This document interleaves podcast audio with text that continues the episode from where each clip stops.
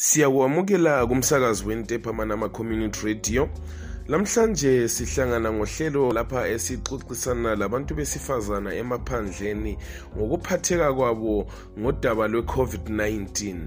Uhlelo lolu siluphathelwa yiZakras bebambane le-Women in News.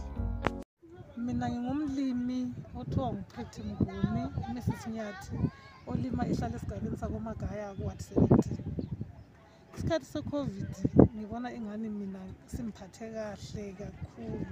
ngoba ngenxa yokungahambahambi lokhu ngiyenelisile ukulima emasimini ami ngesikhathi sami ngathola isivuno esihle kakhulu engibonayo ukuthi sibili singangifikisa kumnyaka ozayo ngilime amabele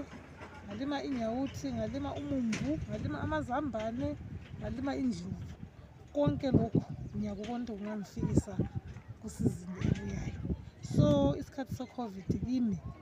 ngokuhlala phansi lokhu asizange sake sangiphatha kabi ngoba labo baba bebesibakhona ubaba besibakhona isikhathi esiningi layo engincedisa kwenza isivuno sethu saba phezulu kakhulu ukudlula ngesikhathi kungela covid yikho kakhulu engikunanzelele ngesikhathi se-covid ngempilweni yami ngingusitholakele ndlovu ngisuka esiboza ngesikhathi se-covid abantu besithi kunzima ukusebenza emasimini besithina sathatha amandla ethu sabeka ngabe esikhathini sokuthi siyelima emasimini sisebenzele imuli yethu ukuthi ingaze yafa ngendlala sasesilima sithola ukudla isivuno 36 bags